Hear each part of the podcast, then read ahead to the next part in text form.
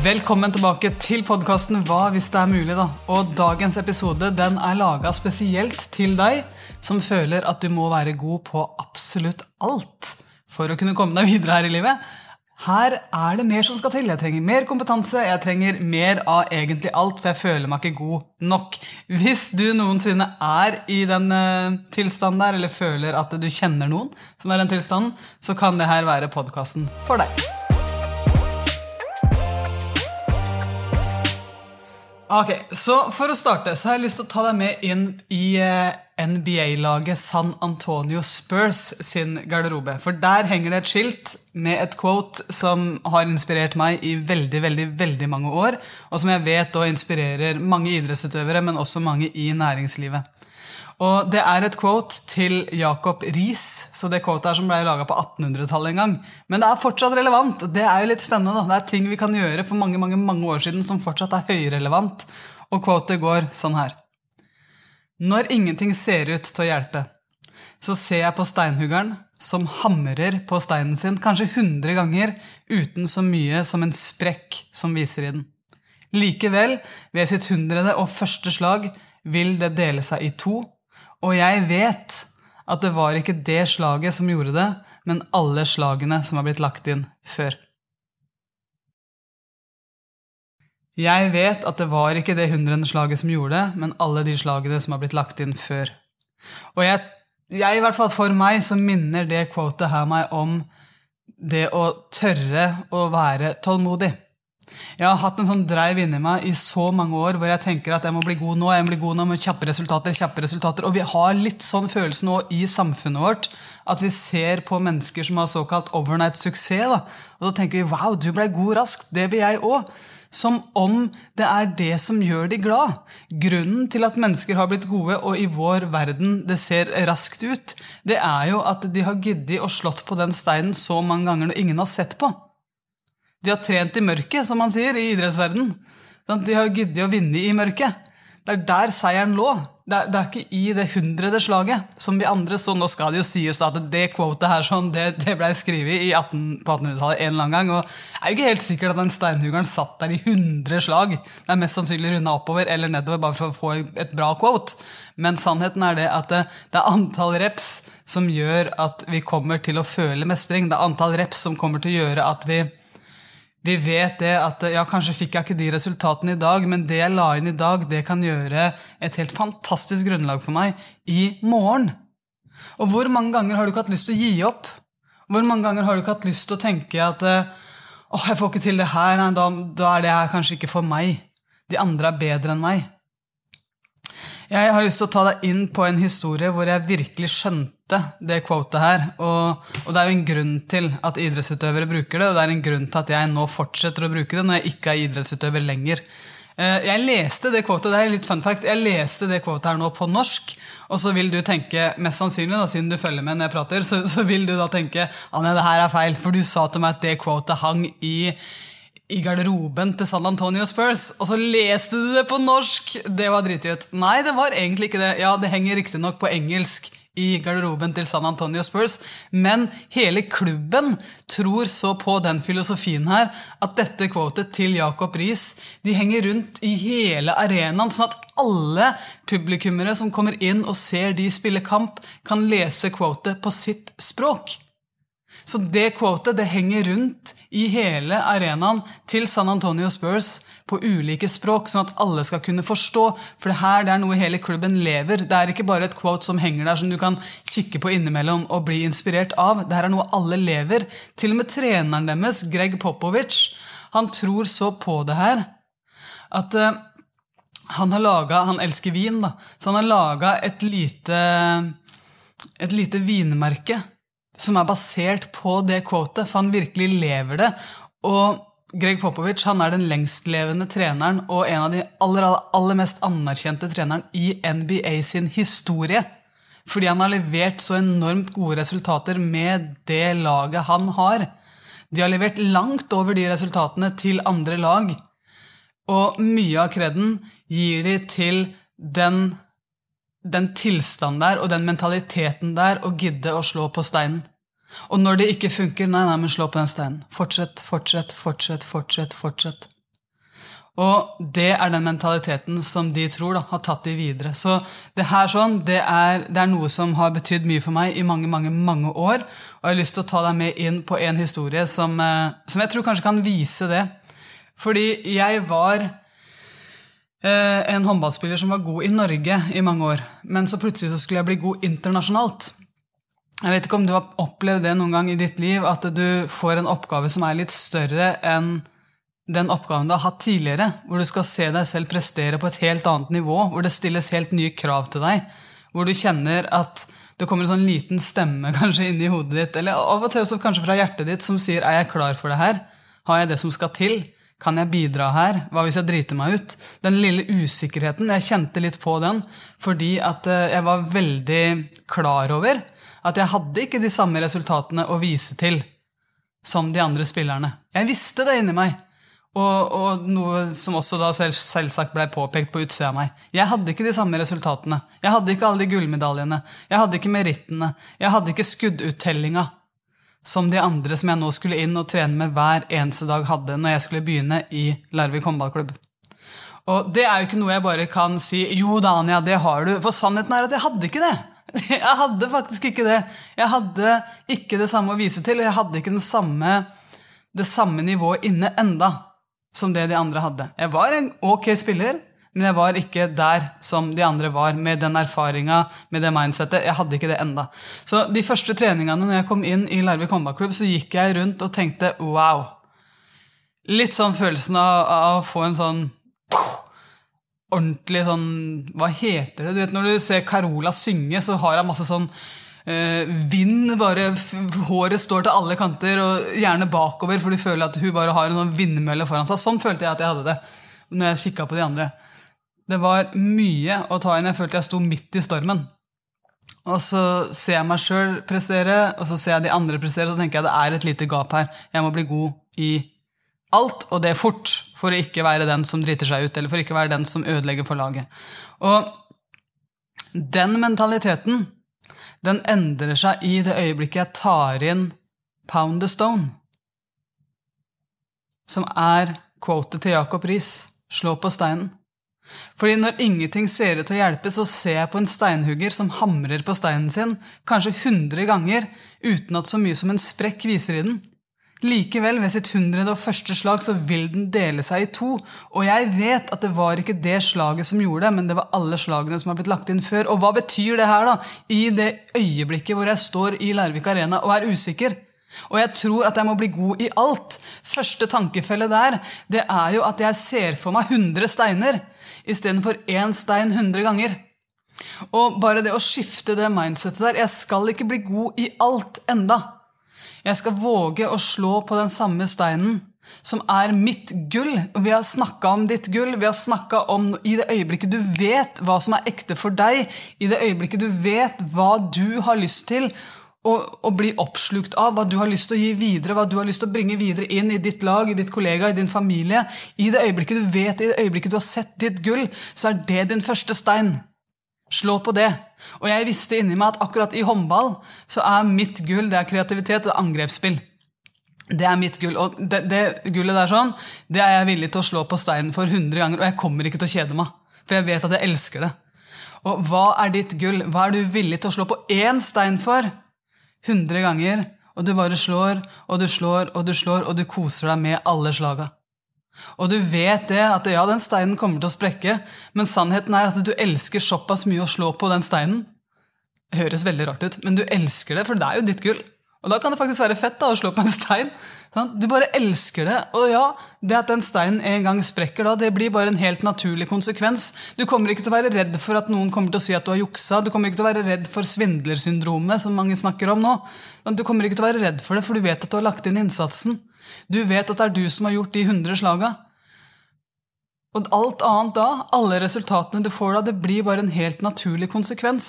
Og det var den runda jeg måtte gå med meg sjøl. Jeg kan ikke nå sette meg sjøl i den tankefella at jeg må bli god i alt. Jeg kan ikke slå på 100 steiner. Jeg kan ikke bli god i både hoppskudd, finter Nå har jeg glemt hva håndball er. Men i hvert fall alle de tekniske tinga i håndball da, som jeg har drevet med i 30 år av livet mitt, som jeg nå glemte. Fordi jeg begynte å slå på en annen stein. skjønner du? Eh, men det er alt det der. Jeg kunne ikke bli god på alt det der på en gang. Jeg kunne ikke det. Jeg skulle bli god på én ting og våge å slå på den steinen mange nok ganger til at jeg kjente en selvtillit på det. Og det er det her jeg tror er litt av utfordringa. Det er at veldig mange tror at de må gjøre mer hele tida. Så de driver og slår på 100 forskjellige steiner, og så får de ikke et resultat. Og så begynner de å slå hardere, hardere, hardere, hardere, hardere, hardere, hardere.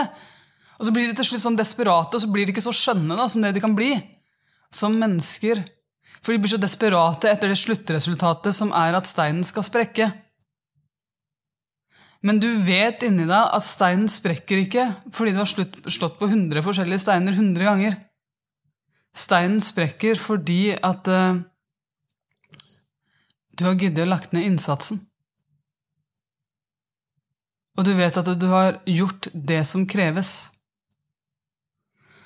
Så når jeg innså det her sånn, da Når jeg innså det her, så skjønte jeg at uh, jeg har en lang vei å gå, og jeg spurte jeg hadde jo en, Min spisskompetanse og mitt gull her sånn, det er jo helt åpenbart angrepsspillet. Det er der jeg var god. Uh, og i angrepsspillet så var jeg også ganske god til å skyte underarmskudd. Og det var det langskuddet jeg ville prioritere. Det var mitt gull. Det var underarmskuddet. Det var det eneste langskuddet jeg hadde lyst til å prioritere. Og virkelig slå på steinen for. Utfordringa er at jeg skøyt jo så dårlig. Jeg skøyt ikke dårlig, det gjorde jeg ikke, men keeperen redda. La meg si det sånn da. For jeg, jeg skøyt sånn som jeg alltid gjorde, men vi hadde keepere i verdensklasse. Så det var jo ikke gull sånn sett da, for selvtilliten min. Og i det øyeblikket jeg da skjønner at jeg på skudd 5, 6, 7, 8, 9 fortsatt da bare blir tatt altså Det er akkurat som de bare tar den i nelle.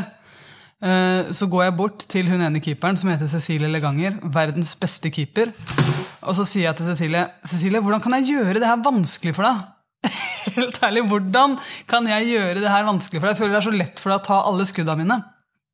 Så sier Cecilie ja, men du skyter, eh, du skyter sånn at jeg ser utgangspunktet ditt, og så, og så skyter du der det er lett for meg å ta ballen. Så jeg, men Hvor er det vanskelig for deg å ta ballen? da? Og da sier jeg jo, du må skyte ned til venstre for meg. Og skyte i blindsona. Og det betyr at du skyter sånn at det blir overraskende for meg ned til venstre. Og hvis du gjør det, Anja, så kommer du til å gjøre meg god. Og det syns jeg er fett. da. Verdens beste keeper. Hun er ikke redd for å avsløre svakhetene sine. Hun er ikke redd for det. Hun har heller lyst til at jeg skal skyte der, sånn at hun kan trene mer på akkurat det hun trenger å trene på for å bli god. Hun tør å slå på den steinen. Og når jeg lærte det mindsetet, der, så skjønner jeg jo også at hvis jeg nå bare øver på ett treffpunkt, øver på å skyte ned til venstre hver eneste gang jeg skyter 100 ganger så kommer jeg til å bli god på det. Og når jeg gjør det, og det er vanskelig for verdens beste keeper, så er det en stor sjanse for at det er vanskelig også da for de jeg skal spille mot. da. I Norge og i verden. Når jeg begynte å gjøre det her sånn, så øker jo skuddetellinga mi. Og jeg vet jo inni meg at det her sånn handler om at jeg slo på den steinen, den ene steinen, over 100 ganger. Og da sprekker den jo til slutt. Og da bare noen få måneder etterpå så er jo jeg tilbake på landslaget og gjør det bedre enn noensinne. Så det blir resultatet, men det var aldri målet. Jeg ville bare slå på den steinen. Jeg, jeg ville bare heve skudduttellinga mi. Jeg ville bare kunne klare å gjøre én ting bra for det laget, sånn at jeg kunne bidra. Men alt annet blei en helt, helt, helt naturlig konsekvens. Og utfordringa for veldig mange som ikke driver idrett, det er jo at i det øyeblikket vi innser at ah, men shit, jeg slår på mange steiner Jeg slår på så sykt mange steiner, og nå får jeg jo ikke rydda opp i det her. For hvis jeg skal kjøre pound the stone, og jeg har forplikta meg til 20 steiner, så blir jeg jo utslitt, og det er ikke rart jeg sliter med søvn. Det er, det er jo ikke rart at jeg bare ikke får til det her, for jeg har jo forplikta meg. Folk forventer at jeg skal Jeg har sagt ja til ditt og datt og ditt og datt. Ja. Men i det øyeblikket du innser da, at du er omringa av steiner som du har forplikta deg til å slå på, fordi det tilfredsstiller andre sine behov, fordi noen andre vil at du skal gjøre det, så har jeg en, en snacksy øvelse, syns jeg sjøl. Altså Marius og Tim og jeg har lært av en nydelig mann. Han er sosialantropolog. Han heter Ivar Haugstad, så jeg vil kreditere alt vi gjør i vårt liv, til Ivar Haugstad, for han er helt rå på det her. Og han, hver gang jeg står og jeg, ringer han, og jeg har da ansett Jeg har masse coacher eh, som jeg har jobba med hele livet, men akkurat nå har jeg én coach, og så har jeg én sosialantropolog. Og han har vært min Du vet, vi har fastleger. Eh, som liksom er sånn fastlege som du kan gå til, som er din faste lege. Jeg har min fastantropolog som jeg kan ringe til når jeg vil, og det er Ivar Haugstad. Og hver gang jeg står fast, så pleier jeg å ringe han. Eh, og, så, og, ofte da så står jeg fast nettopp fordi jeg har for mye å gjøre, klarer ikke tenke klart, eller at jeg har for mange steiner rundt meg, for mange forpliktelser, rett og slett. Eh, og før jeg lærte meg å bli kvitt de steinene som jeg faktisk ikke trengte å slå på, så var jeg stressa. Det her var jo før meditasjonen òg. Eh, og jeg kjente meg stressa. Jeg ringer til Ivar, og det han sier da og jeg husker det som det var i går, og fortsatt så minner han meg om det. For fortsatt så er det fristende å si ja til ting som jeg egentlig ikke trenger å slå på. Eh, Anja, hva hvis du legger ned? Hæ? Ja, men la oss kjøre en øvelse nå. La oss bare legge ned. Legge ned! Ja, vi kjører en mental nedleggelse. Og jeg, altså, jeg jeg vet at det ordet høres veldig rart ut og også kan bli dratt ut i veldig mange ulike sammenhenger, men la oss nå bare kjøre en mental nedleggelse på dine prosjekter. Hvis, La oss nå si at du har funnet ditt gull, og du innser at du har mange steiner å slå på. La oss nå, inn, la, la oss nå bare leke med det. Um, hva skjer hvis du legger ned? Hva skjer hvis du legger ned det prosjektet?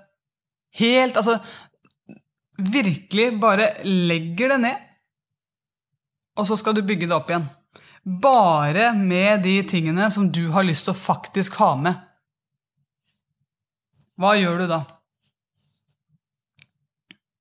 Hvis du bare skal bygge det opp igjen basert på de tingene du elsker Sånn som jeg. Jeg la ned angrepsspillet mitt.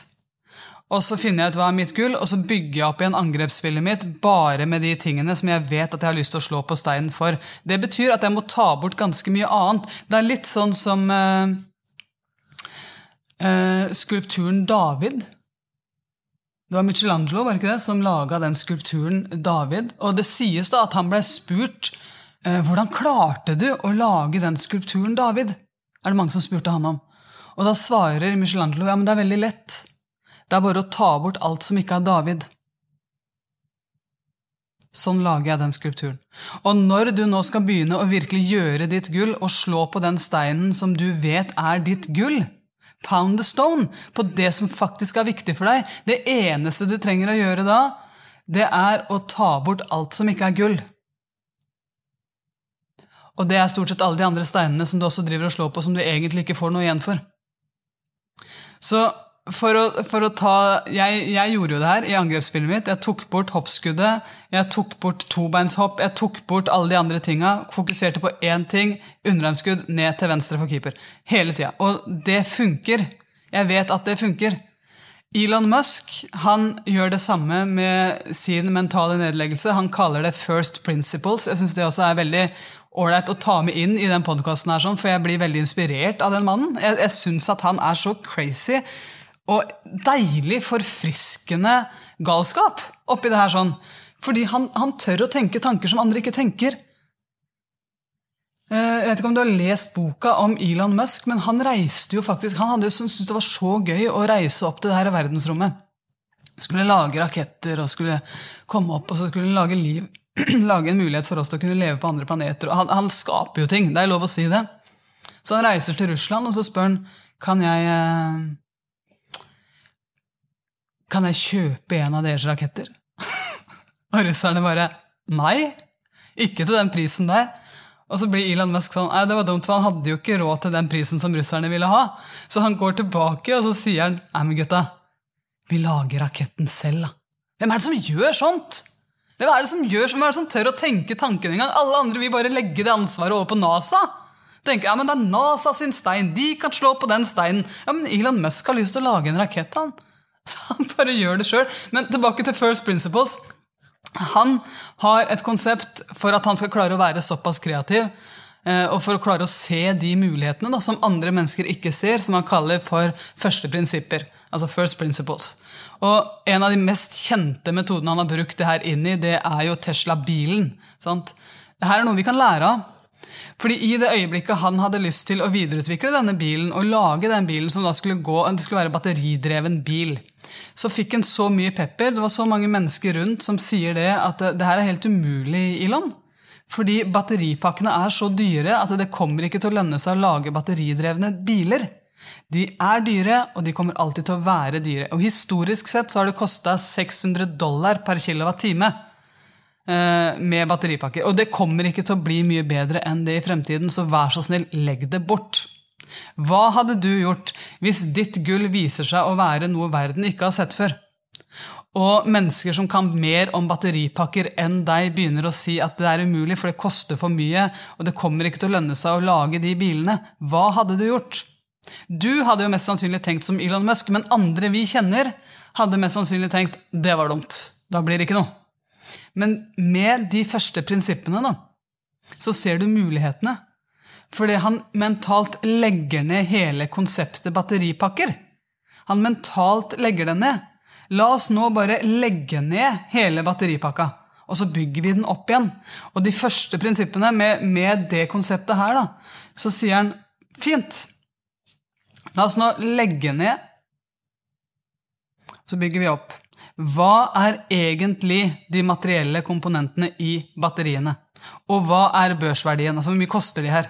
De materielle komponentene. Det han egentlig sier der, sånn da, det er hva består batterier av? På godt norsk. Det er det han egentlig sier. Eh, og når han da undersøker det her, sånn, så ser han at jo, batteripakker de inneholder kobolt, nikkel, aluminium, karbon og noen ting som separerer alt det her, og en forseglingsboks. Sant? Det er basically det en batteripakke inneholder. Så når du da bryter det her ned såpass mye at du ser på de aller, aller, aller første prinsippene, hva er det det egentlig består av? Og du tenker ja, hvis jeg bare kjøper det da, på London Metal Exchange for eksempel, da, hva er det de tingene der kommer til å koste? Og da ser du at ja, men hvis jeg kjøper de hver for seg her, så koster de jo 80 dollar per kilowattime. Da har vi gått fra 600 dollar til 80 dollar. Så det eneste du trenger å tenke på, da, det er smarte måter å ta de materialene på, kombinere de i form av battericelle, og så kan du få batterier som er mye, mye, mye billigere enn det du noensinne aner. Så i det øyeblikket du har funnet ditt gull, i det øyeblikket du vet inni deg at du kan velge bort steiner som du ikke trenger å slå på, sånn at du virkelig kan videreutvikle ditt gull. Da kan du få resultater som er ganske fett. Men hvis du kjenner at du står fanga i altfor mange steiner, du har altfor mange steiner rundt deg, så velg deg ut én, og våg å sette de grensene. Våg å sette de grensene selv om det er smertefullt. Våg å fortelle de samarbeidspartnerne at uh, jeg trenger nå å prioritere tida mi på noe annet. Som er enda mer i tråd med det vi faktisk ønsker å gjøre. Marius og jeg vi, sto, vi, har, uh, vi har, gått den runda mange ganger i Heart Mentality.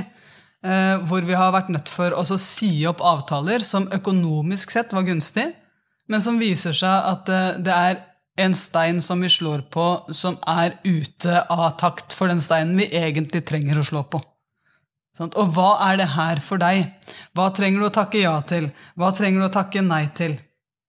Hva er den ene tingen du kan ha fokus på framover? Den ene tingen.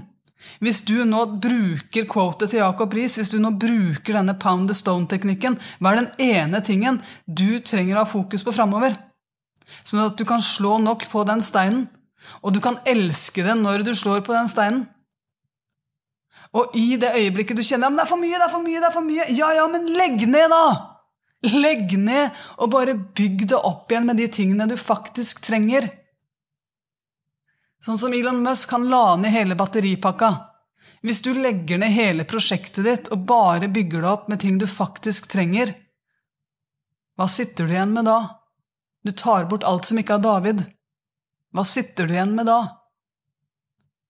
Og hva hvis du våger å sette de grensene for deg sjøl? Hva hvis du våger å gå for ditt gull? Og slå på den steinen, slå på den steinen, slå på den steinen. Hva skjer da? Jo, mest sannsynlig så kommer du til å få, til å få resultater, men du kommer også til å oppleve at du feiler. Du kommer til å oppleve at du feiler. Og i det øyeblikket du kjører pound the stone-prinsippet, så går det an at du, du vet inni deg at ja, men vet du hva, det her det er faktisk så nære mitt gull at det er verdt det likevel. Det her, det er Det er å våge å gi slipp. Av og til så må du faktisk gi slipp på alt som ikke er David. Og det går greit. Du må ikke være feilfri. Fordi du er nå bevisst på hva som er viktig for deg. Så når og hvor i ditt liv er du villig til å være en steinhugger? Jeg har sjekka, jeg har googla det. Det er faktisk en greie. Steinhuggeri er en greie. Eh, når er det du vil fortsette å slå på den steinen når du opplever at du feiler? Når du opplever at mennesker forteller deg at det er umulig? Når du opplever fiaskoer? Uansett hvor mange nei du får, vil du fortsette å tro på det som er ditt gull. For du vet nå at det her er ikke noe som du gjør fordi det er kommersielt smart, eller fordi at du lurer noen. Du vet inni deg at jeg er, jeg er her med rene intensjoner. Det her er mitt gull. Og så kan det være kommersielt smart selv om det er ditt gull. altså det er ikke det. Men du gjør det ikke for å lure noen. Så når du står overfor det valget da, mellom å gjøre det vanskelige eller å ta den enkle veien ut, vil du slå på den steinen? Når du står overfor valget om å takle en utfordring eller bare løpe fra den, vil du slå på den steinen? Når du står overfor valget om å behandle en person godt eller dårlig i en ganske røff situasjon, vil du slå på den steinen da? For du vet at det er det som er ditt gull. Når du, på, nei, når, du, når du, står overfor valget om å fortsette eller å slutte, vil du slå på den steinen. Og jeg håper virkelig da at i absolutt alle de situasjonene det er sånn, at du velger pound the stone. Fordi på slutten av dagen da så er det ingen andre enn deg som kan tenke tilbake på den dagen og være stolt av deg sånn at du kan kjenne det. Jeg kan tenke 'wow, jeg ble inspirert av deg', og hvis jeg, jeg kan også kjenne, hvis jeg ser på Gro, hvis jeg ser på Marius, hvis jeg ser på barna mine, hvis jeg ser på Tim, at jeg kan bli stolt av noe av de tinga de gjør. Men den stolthetsfølelsen jeg føler, den er jo inni meg. Min oppriktighet, altså min indre drøm, det er at de skal kjenne den stoltheten sjøl. Og den kjenner de i det øyeblikket de vet at de har navigert ut fra sitt gull, ut fra sin integritet. Fordi i det øyeblikket vi knytter oss til et resultat altså Hvis resultatet hele tida er Hvis du slår på den steinen fordi du drømmer om at den en dag skal sprekke, så kommer det til å begrense mulighetene våre. Fordi at vi, vi blir så besatt av resultatet. Men hvis du slår på den steinen fordi du vet at det her kommer fra ditt gull, og du vet inni deg at du faktisk elsker det, du elsker den repetisjonen her sånn. Du elsker det du gjør akkurat nå. Og uansett resultat, du vet at det mest sannsynlig så får du et eller annet resultat, men uansett så har du elska det du har gjort, helt fram til det resultatet kommer. Og da har du skapt deg et godt liv. Så hva og hvor og hvordan Når kan du være en steinhugger? Hva i ditt liv åpner muligheten for deg til å slå på den steinen? Og hvilke steiner trenger du å gi slipp på? Hvis du nå helt ærlig bare legger ned alt og bare bygger opp igjen på det som faktisk er i tråd med deg, med ditt gull, hva velger du å gjøre da? Hvis du kjører en ordentlig mental nedleggelse og bare bygger opp igjen det samme konseptet, men du gjør det basert på ditt gull, hva gjør du da? Tusen takk for at du hørte på podkasten Hva hvis det er mulig, da. Jeg håper at du velger ditt gull. Jeg håper du slår på denne steinen. Jeg håper du tar bort alt som ikke er David. Og jeg håper at du våger å se litt nærmere på en mental nedleggelse og være ærlig med deg sjøl når jeg nå bygger det her opp igjen. Hva har jeg lyst til å ta med videre da, og hva har jeg lyst til å skrote? Så tusen, tusen takk for i dag. Jeg håper du har en nydelig, nydelig dag. Gå gjerne inn på Instagram og si hei til meg. Fortell om når du pounder stonen, når er det du slår på den steinen? Hva er det du gjør som er viktig for deg? Jeg syns det er kjempeinspirerende å høre på. Og ikke bare fordi at eh, Ikke bare fortell meg når det har gått bra, men uh, som en sa til meg, som er medlem i appen Heart Mentality her om dagen Jeg kom ikke med på det uttaket, og jeg gleder meg til å skrive resten av den historien. Så tusen, tusen takk for at du hørte på i dag. Å, jeg setter veldig, veldig pris på det. Ha en fin dag.